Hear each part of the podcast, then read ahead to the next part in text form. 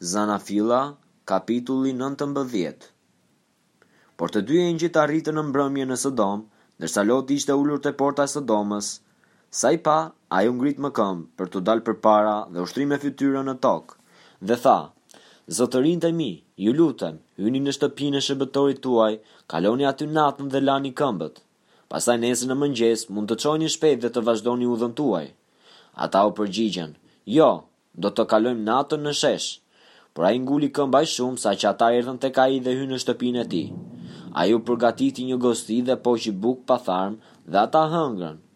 Përpara se të shkonin në shtrat, njerëzit e qytetit, njerëzit e Sodomës, rrethuan shtëpinë. Ishin të rinj e pleq.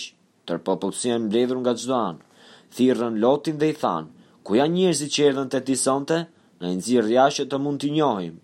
Loti doli drejt tyre para portës së shtëpisë, e mbylli portën pas tij dhe tha, O vëllezër të mi, mos u sillni kaq keq. Dëgjoni, unë kam dy vajza që nuk kanë njohur burrë. Prandaj më lini që t'i nxjerr jashtë dhe bëni ç'të doni me to.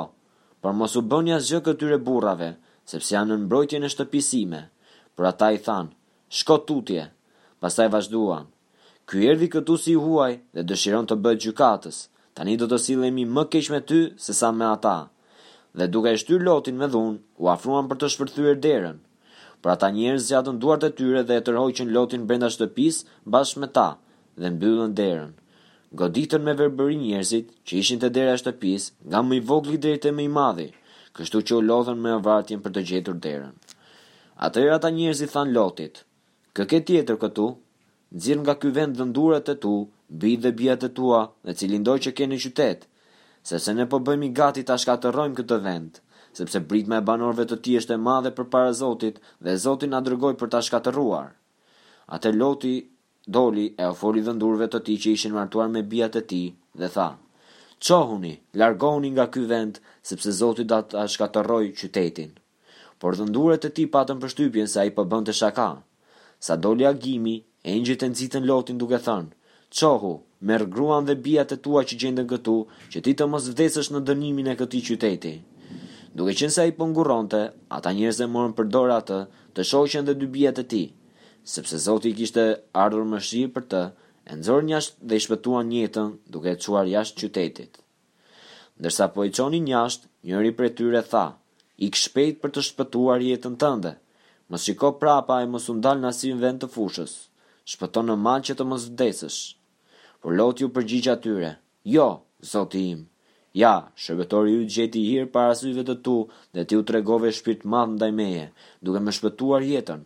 Po unë nuk do të mund të arrij malin para se të më zërë fatkeqësia dhe unë të vdes. Ja, ky qytet është mjaft i afërt për ta arritur dhe është i vogël. Më lër, pra, të iki shpejt aty. A nuk është i vogël? Dhe kështu do të shpëtoj jetën. Engjëlli tha, Unë po ta plotësoj edhe këtë kërkesë, të mos shkatërroj qytetin për të cilin fole. Shpejto, ik atje, sepse unë nuk mund të bëj asgjë para se ti të arrish atje. Për këtë arsye ky qytet u quajt Coar. Dielli po ngrihej mbi tokë kur Loti arriti në Coar. Atëherë Zoti bëri që nga qielli të binte squfur dhe zjarr mbi Sodomën dhe Gomorën nga ana e Zotit. Kështu ai shkatërroi ato qytete, tërë fushën, tërë banorët e qytetit e gjithçka që mbinte mbi tokë.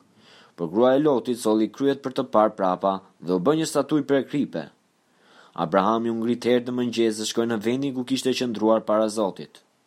Pastaj drejtoi shikimin nga Sodoma dhe Gomora si dhe nga tërë krahina e fushës dhe kështu pa një tym që ngrihej nga toka si tymi i një furre. Kështu ndodhi që, kur Perëndia shkatërroi qytetin e fushës, Perëndisë ju kujtua Abrahami dhe e largoi Lotin nga gjëma, kur shkatërroi qytetet ku Loti kishte banuar.